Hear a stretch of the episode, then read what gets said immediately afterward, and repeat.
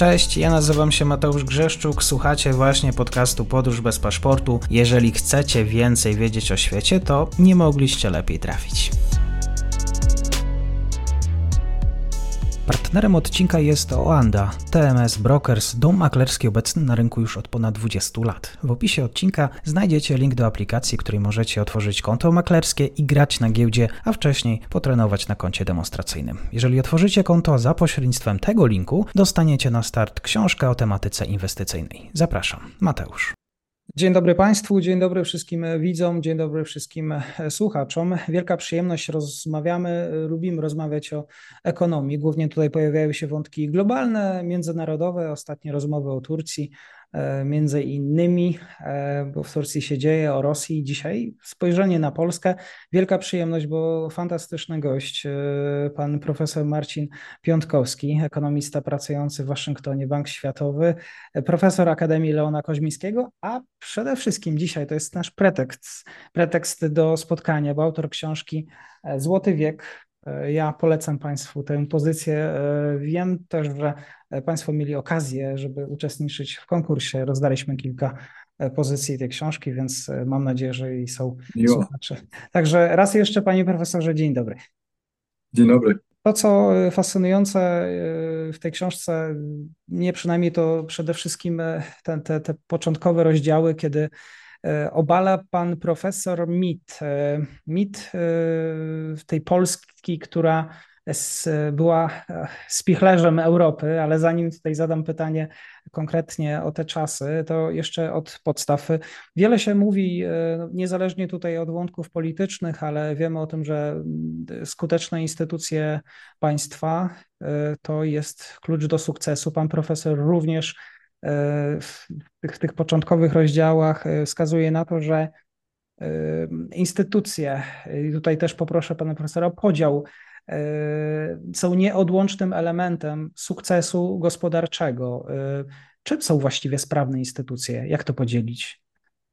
Instytucje to takie ogólne pojęcie, ale chodzi o to, żeby przedsiębiorcy, żeby obywatele mieli pewność co do praw własności, żeby mieli zaufanie do sądów, żeby mieli zaufanie do niezależności instytucji publicznych, żeby wiedzieli, że administracja publiczna jest kompetentna, że mamy, że rynki są otwarte, czyli jak ktoś chce założyć nową firmę, to nikt nie będzie go z różnych powodów e, klasowych, politycznych e, i innych e, blokował, że jest można konkurować zarówno wewnątrz kraju, jak i poza granicami, że też mamy inne, szersze instytucje, które są kluczowe dla długoterminowego sukcesu gospodarczego, ale też i cywilizacyjnego, czyli wolne media, demokracja. To są wszystkie, wszystko instytucje, które jako całość były kluczowe dla rozwoju ludzkości. Dzisiaj wśród nielicznej cały czas grupy, raptem 50 dużych krajów, które na świecie zaliczają się do grupy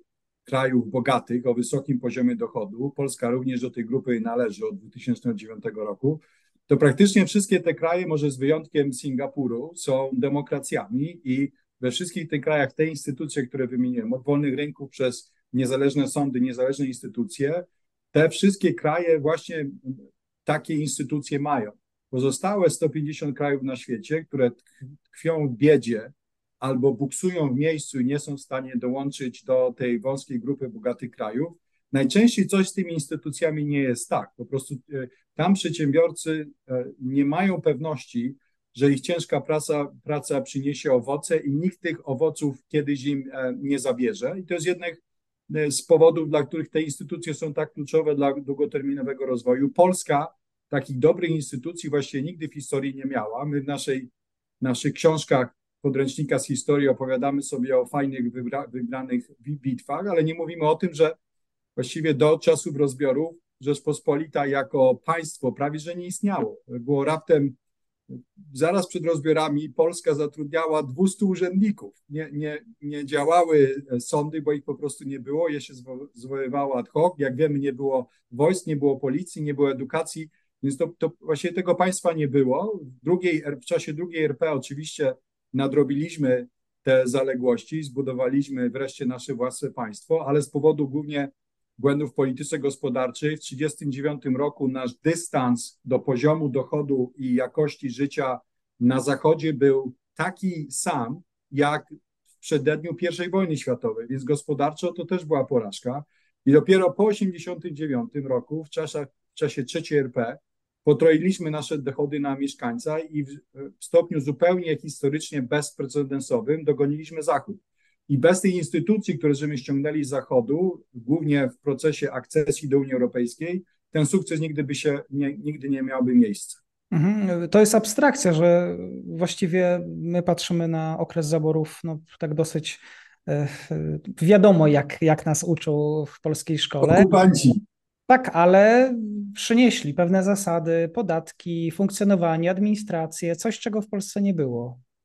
To jest taka niekomfortowa prawda, ale między przyjaciółmi i między Polakami możemy sobie o tym rozmawiać, że Polska y, w dużym stopniu dogoniła Zachód, albo przynajmniej ten proces doganiania był o wiele szybszy właśnie w czasie zaborów, dlatego że zaborcy wprowadzili te wszystkie instytucje, które wcześniej nie istniały. Dostęp do edukacji, dostęp do sądów, dostęp do działającej administracji. Oczywiście w zaborze pruskim działała ona lepiej niż w rosyjskim czy, czy w austriackim, ale to były instytucje, które brakowały, e, brakowało w pierwszej RP i to był jeden z powodów, dla których e, pierwsza RP upadła. Ja uważam, że upadliśmy głównie z, z powodu własnych słabości. Konstytucja 3 maja była miła i sympatyczna i, i inspirująca, ale oczywiście została zaaprobowana za późno. I, I właściwie tylko nasi sąsiedzi wykorzystali tą słabość Polski. Później gospodarczo troszeczkę dogoniliśmy w czasie zaborów. Niestety, jak już powiedziałam, w czasie drugiej RP tego dystansu żeśmy dalej już nie nadrabiali. W czasie pierwszych dwóch dekad PRL-u, co ciekawe, na, e, znowu troszeczkę dogoniliśmy Zachód, no ale później PRL przez kolejne trzy, trzy dekady wpadł w gospodarczą stagnację i skończyliśmy bankructwem. No i dopiero trzecia RP to jest ten ogromny skok, który pozwolił Polsce zostać europejskim i globalnym liderem wzrostu, co nigdy w naszej historii wcześniej się nie wydarzyło. Bardzo często pojawia się w pana profesora e, publikacji słowo oligarchia w różnych, e, powiedzmy, spojrzeniach. Tutaj oczywiście mielibyśmy też naszą polską szlachtę. E, oligarchia uniemożliwia rozwój wielu państw. Wiemy to też na przykładzie współczesnej Ukrainy. W Polsce oligarchii jako takiej chyba nie było. Jeszcze pomógł w tym komunizm. No nie ma tej oligarchii póki co odpukać teraz, ale ja stawiam w książce tezę, że powodem, dla, których, dla którego Polska była gospodarczo zawsze zacofana i to byliśmy daleko w tyle za, za Zachodem, nawet w czasie naszego w cudzysłowie złotego wieku w XVI wieku, średni poziom dochodów Polaka, na ile możemy dzisiaj to w stanie obliczyć, to było raptem połowę tylko tego, co średni dochód w rozwiniętych miastach północnych Włoch. E, i przez kolejne lata i stulecia było już tylko gorzej. Dlaczego było gorzej? Dlatego, że uważam, że Polska i wiele innych krajów w regionie wtedy i na świecie dzisiaj, bo większość krajów biednych, ponad 120 krajów na świecie, je, tkwi w takiej samej oligarchicznej pułapce, w jakiej tkwa, tkwiła Polska aż do praktycznie 1939 roku, w oligarchicznej pułapce, w której gru, wąska grupa elit w czasie pierwszej RP arystokracja i przekupiona przez nich szlachta, właściwie stworzyła system, który miał tylko działać dla elity, a nie dla reszty społeczeństwa. Co robiła polska szlachta? No zrobiła wszystko, żeby zniszczyć polskie miasta i żeby polscy chłopi, oczywiście pańszczyźniani, nie mieli żadnych możliwości rozwoju i rzeczywiście patrząc na wszelkie rodzaje dane, które też przedstawiam w książce, jak dostęp do edukacji, stopień urbanizacji, stopień rozwoju infrastruktury, Polska była daleko zacofana. Druga RP nie była w stanie tego zacofania odrobić. Nawet w 1938 roku na uniwersytetach w Polsce studiowało tylko 1,2% Polaków. Jedna, jeden na stu młodych Polaków wtedy studiował i to byli e, cór, to były córki i, i, synowie najbogatszych Polaków, więc wtedy Pol, ta Polska dalej była zamknięta, dalej była oligarchiczna, Wincenty Witos i kilku innych musiało się samo uczyć, bo nie miało dostępu do dobrej edukacji. Więc właściwie PRL, my narzekamy na PRL i oczywiście powinniśmy, bo, bo się źle skończył i, i, i szczególnie na początku to by, był i jest okrutny system, no ale jednocześnie co, co, co twierdzę w książce, to PRL przeorał tą feudalną strukturę społeczną, tą oligarchiczną strukturę społeczną, którą mieliśmy właściwie od zawsze, która hamowała i uniemożliwiała rozwój. I ten, ta inkluzywność, którą stworzył PRL, inkluzywność społeczna i wysoka e, mobilność społeczna, którą stworzył PRL, nie było widać korzyści z tego aż do 1989 roku, bo oczywiście gospodarka planowa nie miała ekonomicznego sensu, ale jak w 1989 roku obaliliśmy komunizm, to ten inkluzy, ta inkluzywność była kluczowa, żeby ten sukces gospodarczy osiągnąć. Mhm.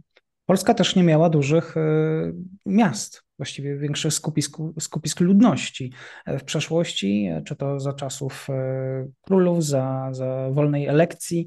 E, to też miało wpływ na rozwój, kiedy Zachód, szeroko pojęty Zachód, zdobywał nowe tereny, wyprawy zamorskie, okres również początek okresu kolonialnego. A Polska gdzie w tym miejscu?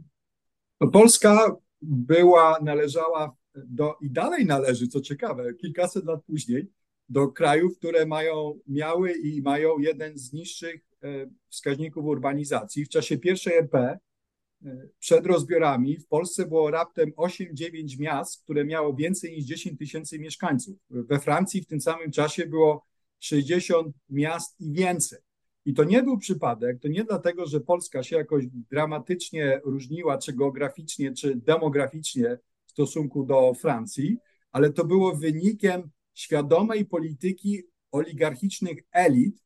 Polska po prostu szlachta uważała, że mieszczanie są klasą, która może zagrozić ich monopolowi władzy i zrobili wszystko przez kilka wcześniejszych stuleci, żeby to mieszczaństwo i tę burżuazję zniszczyć i osiągnęli w tym sukces. Znaczy, w książce przypomina na przykład o tym, że już na początku XVI wieku szlachta odebrała polskim mieszczanom możliwości zajmowania się handlem międzynarodowym. Dlaczego Holendrzy, jak pamiętamy z naszych podręczników, dlaczego Holendrzy eksportowali polskie zboże? No dlatego, że polscy e, handlowcy i kupcy nie, legalnie nie mogli tego zrobić.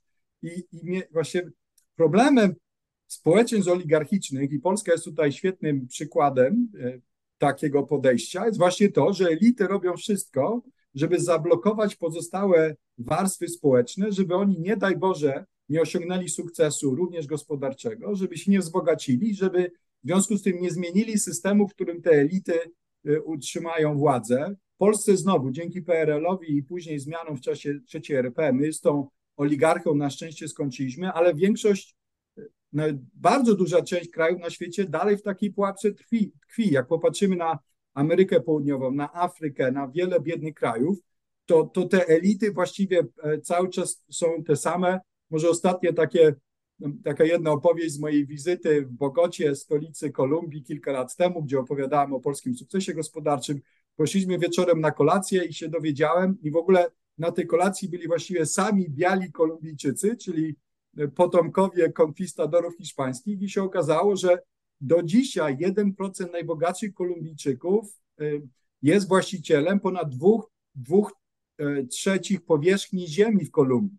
Więc to pokazuje, jak te elity bez takich szoków zewnętrznych, które dotknęły Polskę, jak wojna i komunizm, że w innych krajach te elity bez, bez szoków, bez e, przemocy po prostu nigdy nie oddają, nie chcą oddać władzy i kończy się tym, że ich te państwa nigdy nie są w stanie się e, w pełni rozwinąć. Mhm. I mamy 89 rok, 90 rok. Co się wydarzyło wtedy właśnie z punktu widzenia też e, przeskoczenia pewnych trybików w myśleniu wielu Polaków? Bardzo wiele rzeczy udało się naraz, które pozwoliły nam osiągnąć ten sukces. No pierwsze, o, o czym już e, mówiłem, to jest to egalitarne, inkluzywne społeczeństwo. Dzisiaj, jak się popatrzy na listę miliarderów z, pol z polskiego wydania Forbesa, to to są, są wszystkie nazwiska w cudzysłowie znikąd, które nie, nie, były, nie były elitą ani komunistyczną, ani arystokratyczną, ani szlachecką. To są po prostu ludzie, którzy co do zasady, bo oczywiście czasami mieli lepszy start, ale co do zasady zaczynali praktycznie od zera i, i mieli tylko dobre pomysły, talent i, i, chęć do ciężkiej pracy i udało im się te, te majątki e, zakumulować. Więc ta, ten egalitaryzm był kluczowy. Myślę, że ważne było, że ogólnie mieliśmy dobre elity. W Polsce mówienie o dobrych elitach brzmi prawie, że jak, jak oksymoron. no ale polskie elity były, wiedziały, czego chciały, również dlatego, że w społeczeństwie był bardzo mocny społeczny konsens co do tego, że chcemy powrócić do Europy. Tego na przykład brakowało na Ukrainie czy w Rosji. Tam nie chcieli wrócić do Europy, tam chcieli znaleźć własną trzecią drogę. Polsce nie. My wszyscy chcieliśmy wrócić do Europy, stać się Europejczykami. Polskie elity były wy, wyrazicielami tego, tego dążenia społecznego i też widać było, że znaczy przez wszystkie rządy, bo tutaj staram się być ekumeniczny, od, od lewicy przez prawicę po centrum, wszystkie pracowały na to, żeby ten, te, Polska szła do przodu, żeby dołączyła do Zachodu, żeby się bogaciła. Ważny był też trzecia rzecz, boom edukacyjny. Mimo, że PRL był relatywnie dobry, jeśli szczególnie biorąc pod uwagę poziom dochodu, jeśli chodzi o, o jakość kapitału ludzkiego, którą wytworzył. W 1989 roku 10% młodych Polaków studiowała, no ale 5 lat później studiowało już prawie 50% młodych Polaków. Więc ten boom edukacyjny był był kluczowy. W wielu krajach biednych, e, e, czy, albo na takim poziomie rozwoju jak Polska w 1989, do tego boomu z różnych powodów e, nie doszło, bo na przykład elity nie były w stanie takiego boomu sfinansować albo otworzyć rynek akademicki dla nowych uczelni, tak jak moja teraz uczelnia Akademia Leona Koźmińskiego. No i oczywiście ostatni czynnik to otwarcie się zachodu Europy na nas. No bez tego bez tego, tej kotwicy reform, bez przeświadczenia, że ta Europa Zachodnia na nas czeka, że jak się postaramy, to wejdziemy do Unii, wejdziemy do NATO, wejdziemy do OECD, myślę, że z tego też sukcesu by nie było, bo po prostu wiedzieliśmy, czego chcemy, ale również narzucono na nas e, cały zestaw obowiązków e, regulacyjnych, instytucjonalnych, które musieliśmy, zaabsorbować i to są właśnie te, te obowiązki, te instytucje, te reguły gry, które były kluczowe, żebyśmy ten sukces osiągnęli. Więc wiele czynników musiało się e, wydarzyć naraz, tak jak nigdy wcześniej w historii. No i dzięki temu, i to powtarzam i myślę, że warto, żeby każdy Polak jeszcze raz o tym usłyszał, w ciągu ostatnich 33 lat potroliliśmy nasze PKB i staliśmy się najszybciej rozwijającą gospodarką w Europie. To nigdy wcześniej w naszej historii się nie wydarzyło. No i oczywiście pewnie pan redaktor mnie zapyta, E, co zrobić, żeby teraz te 33 lata sukcesu z przeszłości e, powtórzyć w ciągu kolejnych 33 lat. Lat to oczywiście osobna dyskusja.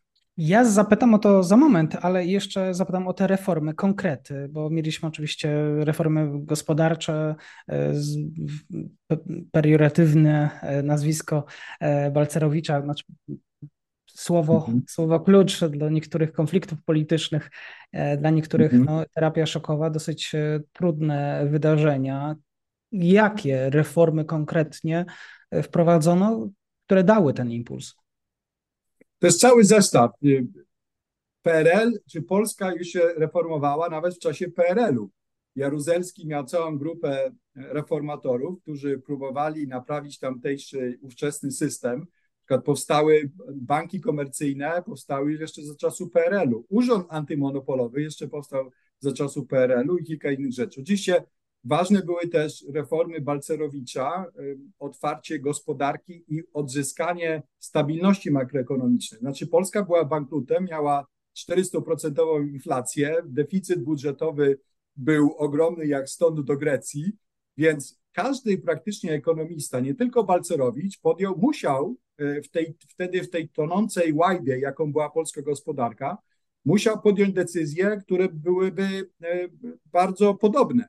Gdyby na przykład profesor Kołotko albo inni byli wtedy ministrami finansów, to myślę, że duża część ich decyzji makroekonomicznych byłaby podobna. Czym jednak by się, czym by się różnili? No to tym, że nie doszłoby pewnie do takiego ideologicznego przestrzelenia, że na przykład ten Balcerowicz i tamtejsze rządy chciały wszystko prywatyzować e, e, praktycznie z dnia na dzień, żeby komuniści nie, nie wrócili. Na szczęście to się wtedy e, polskim elitom nie udało i również nie słuchali, Polacy nie słuchali ekspertów z Banku Światowego i z Funduszu Walutowego, którzy mówili prywatyzujcie, prywatyzujcie, prywatyzujcie. Polska miała szczęście, że E, siła społeczeństwa obywatelskiego, Solidarności i innych była na tyle silna, żeśmy opóźnili na przykład tą prywatyzację, masową prywatyzację, aż do połowy lat 90. Właśnie między innymi dzięki temu nie mamy oligarchów, bo już wtedy w połowie lat 90. wiedzieliśmy mniej więcej, ile te państwowe przedsiębiorstwa są warte, że nie warto ich wysprzedawać za bezcen. W związku z tym nie było tych ogromnych miliardów, które można było ukraść, które ukradziono w Czechach, w Rosji czy, czy na Ukrainie. Po, po Balcerowiczu myślę, że czasy krótko strategii dla Polski były ważne, żeby podtrzymać szybki wzrost, no a później akcesja do Unii. Ona nam dała taką jasną drogę, taką, takie wytyczne, które pokazywały, co dokładnie mamy robić. I ta Unia nie była ważna tylko w okresie akcesji do Unii i ściągania tego dorobku cywilizacyjnego Zachodu, które, nad którym oni pracowali przez 500 lat, a my je ściągnęliśmy jak apkę na telefon praktycznie w 5 lat, ale również Unia, co uważam jest dla nas bardzo ważne, te wszystkie regulacje, instytucje, które żeśmy zaobserwowali, one narzuciły na nas taki kaftan be bezpieczeństwa. Ja uważam, że on jest kluczowy, bo on sprawia, że nawet populistyczne rządy nie są w stanie wyjść z tego kaftana i popełnić katastrofalnie fundamentalne błędy w polityce gospodarczej. Co na przykład zatrzyma Tajlandię, Brazylię, Boliwię e, czy Argentynę od popełniania błędów? Nic. Oni sami sobie strzelają te samobuje.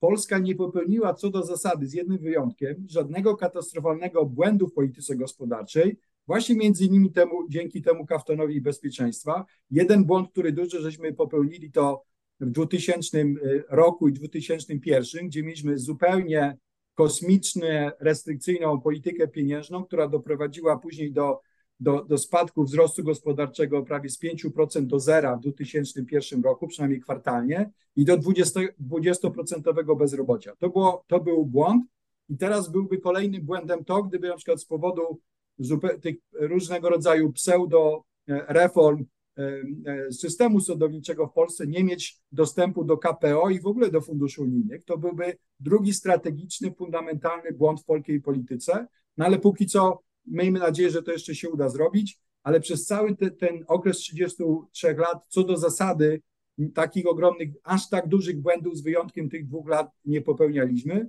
I to, że inne kraje na świecie nie stają się bogate, wynika właśnie z tego, że najpierw one się rozwijają przez jakiś czas, a po, później popełniają tak ogromne błędy, że one właściwie cofają te kraje kilka dekad wcześniej, odpukać, żeby tak w Polsce się też nie wydarzyło. Mhm.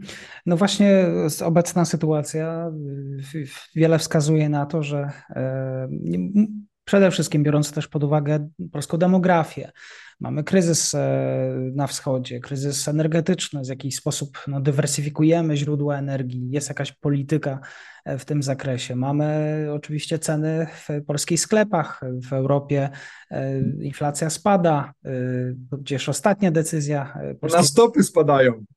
Tak. Szybciej niż inflacja. Tak, jest. Wiele osób zadaje sobie pytania o te błędy, o których pan profesor mówił. Te, te błędy oczywiście są, ale ta książka i nasza dyskusja, e, przede wszystkim w książce, ja chciałem, żeby nie skupiać się na kursie dolara z poniedziałku na wtorek, na kwartalnych zmianach w PKB. Ja chciałem, żeby napisać o Polsce z, z dystansu historycznego, e, geograficznego i emocjonalnego. E, ja jestem też, wydaje mi się, ekonomistą obiektywnym i niezacietrzewionym. Po prostu nie piszę tego tylko dlatego, że kogoś nie lubię tej strony polityki gospodarczej albo polityki e, sceny politycznej w Polsce, więc staram się być w tym obiektywny. Oczywiście, że mamy teraz problemy. E, jak pan mnie dyrektor zapytał, co sądzę o ostatniej obniżce stóp procentowych, no to uważam, że była nieuzasadniona i to była błędem za wcześnie i takie decyzje właśnie sprawiają, że one osłabiają wiarygodność E, kluczowych instytucji dla, działalności, dla działania państwa, bo duża część Polaków dojdzie do wniosku, że ta obniżka nie była uzasadniona ekonomicznie, a była tylko sposobem na to, żeby e, jak gdyby wziąć udział w kampanii wyborczej. Pod tym względem to jest błąd, bo cokolwiek by o tej decyzji ekonomicznej nie sądzić, no to bank centralny powinien być poza podejrzeniami przez, e, przez wszystkich Polaków, że w jakiejkolwiek kampanii politycznej uczestniczy. Co do przyszłości, mnie boli to, że w Polsce nie ma za bardzo wizji, jak ma Polska wyglądać za, za w ciągu życia kolejnego pokolenia albo kolejnych 33 lat.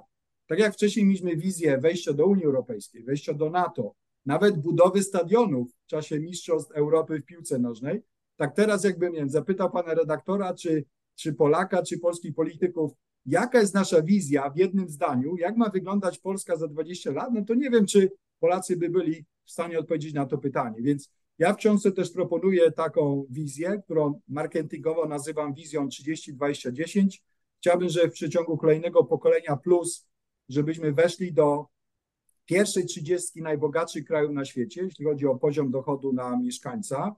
Dzisiaj jesteśmy na mniej więcej 43 miejscu. Po drugie, wejść do grupy 20 krajów, 30, 20, 10, 20 krajów, które mają najwyższą jakość życia, no bo o to chodzi w rozwoju gospodarczym, nie żeby mieć, e, żeby zapisać sobie większą wartość majątku w Excelu i mieć wyższe dochody, tylko żeby ten majątek i te dochody transformować na wyższą jakość życia. E, mniej pracy, wydajniejsza praca, więcej na hobby czasu, więcej na podróżowanie, więcej na wszystkie rzeczy, które sprawiają, że jesteśmy po prostu szczęśliwi. Polska też ma tutaj wiele do zrobienia, żeby do tej pierwszej dwudziestki na świecie wejść. No i ostatnia, naj, najtrudniejsza część tej wizji 3210 to dołączenie do, do wąskiej grupy, takiej mniej więcej 10 krajów, które tak naprawdę pchają światową cywilizację do przodu. Jak się popatrzy, kto jest źródłem rozwoju technologicznego, kulturowego, e, społecznego, no to właściwie to jest cały czas ta sama grupa krajów. E, Ameryka, Wielka Brytania, Francja, Niemcy, Japonia, Korea, pewnie teraz coraz bardziej Chiny, ale też Szwecja i Holandia. Więc chciałbym, to jest bardzo ambitne i nigdy tam nie byliśmy wcześniej, żeby Polska dołączyła właśnie takiego twardego jądra krajów. E, tu między innymi dzięki temu zostalibyśmy obok Francji i Niemiec jednym z europejskich liderów, żebyśmy do tej grupy dołączyli i tą światową cywilizację też do, do przodu pchali. Póki co jedzie, jedziemy na gapę. Znaczy duża część naszego sukcesu polega na tym, że my pożyczamy, importujemy, absorbujemy pomysły wymyślone przez innych, głównie przez Zachód i się bogacimy dlatego i doganiamy ich, że po prostu robimy to samo, tylko że taniej. No nie o to chodzi. Chodzi o to, żeby koniec końców stworzyć taką gospodarkę, w której, w której my sprzedajemy własne pomysły, własne, do, własne produkty, własne towary, własne usługi i myślę, że do tego jest daleko i tam jak będzie czas, to mogę jeszcze powiedzieć o, o pięciu głównych kierunkach polityki gospodarczej, które uważam są kluczowe, żeby tę wizję wypełnić treścią. Tak, to będzie ostatnie pytanie. Czyli podsumowując, mamy problem z innowacjami, szeroko pojętą innowacją. Raczej kopiujemy niż y, tworzymy. Myślę, że mamy pięć problemów i to jest właśnie te pięć rzeczy, o których mówię, które nazwałem 5I, czyli to są takie pięć kierunków które, e, polityki gospodarczej, które które uważam, że, że Polska, e, na których Polska się powinna skupić. Instytucje, o których mówiłem, czyli powinniśmy pogłębiać i wzmacniać zachodnie instytucje, które żeśmy zaimportowali, a nie je osłabiać. E, uwschodnianie się i szukanie trzeciej drogi nie ma żadnego sensu. Po drugie, inwestycje. Uważam, że Polska za mało inwestuje i powinna, szczególnie jeśli chodzi o inwestycje publiczne, prywatne też, ale publiczne również, My inwestujemy co roku tylko 4% naszego dochodu narodowego w autostrady, w koleje, ale również w edukację, w badanie rozwój i w całą resztę. I wszystkie kraje, które wcześniej stały się, e, osiągnęły sukces, Korea, Tajwan, Singapur, teraz oczywiście Japonia, wcześniej teraz Chiny, inwestują o wiele więcej.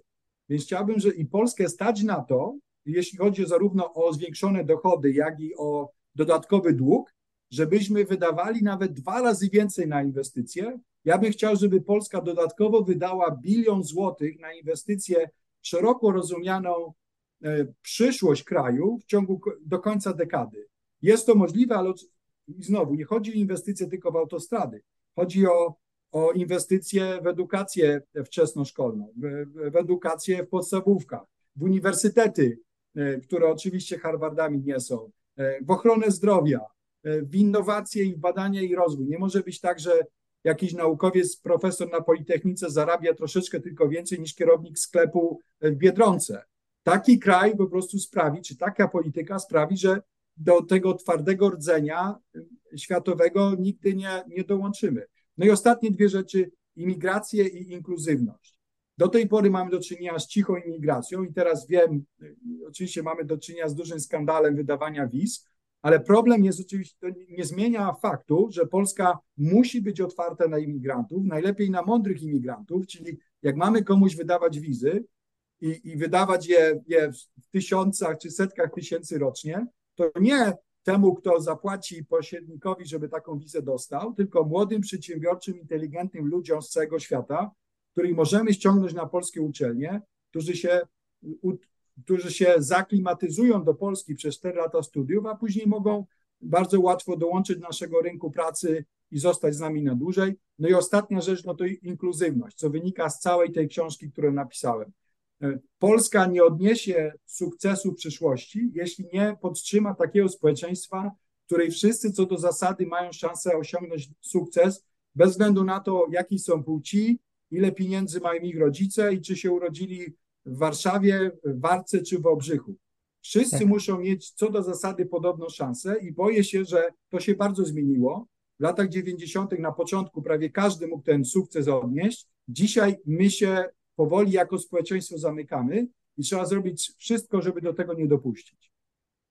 A może Państwo, słuchacze, mają kolejny i, może szósty, siódmy powód, yy, kierunek. Zachęcam do tego, żeby umieścić w komentarzu i zachęcam Państwa do tego, żeby książkę właśnie Złoty Wiek zakupić. Yy, świetna pozycja.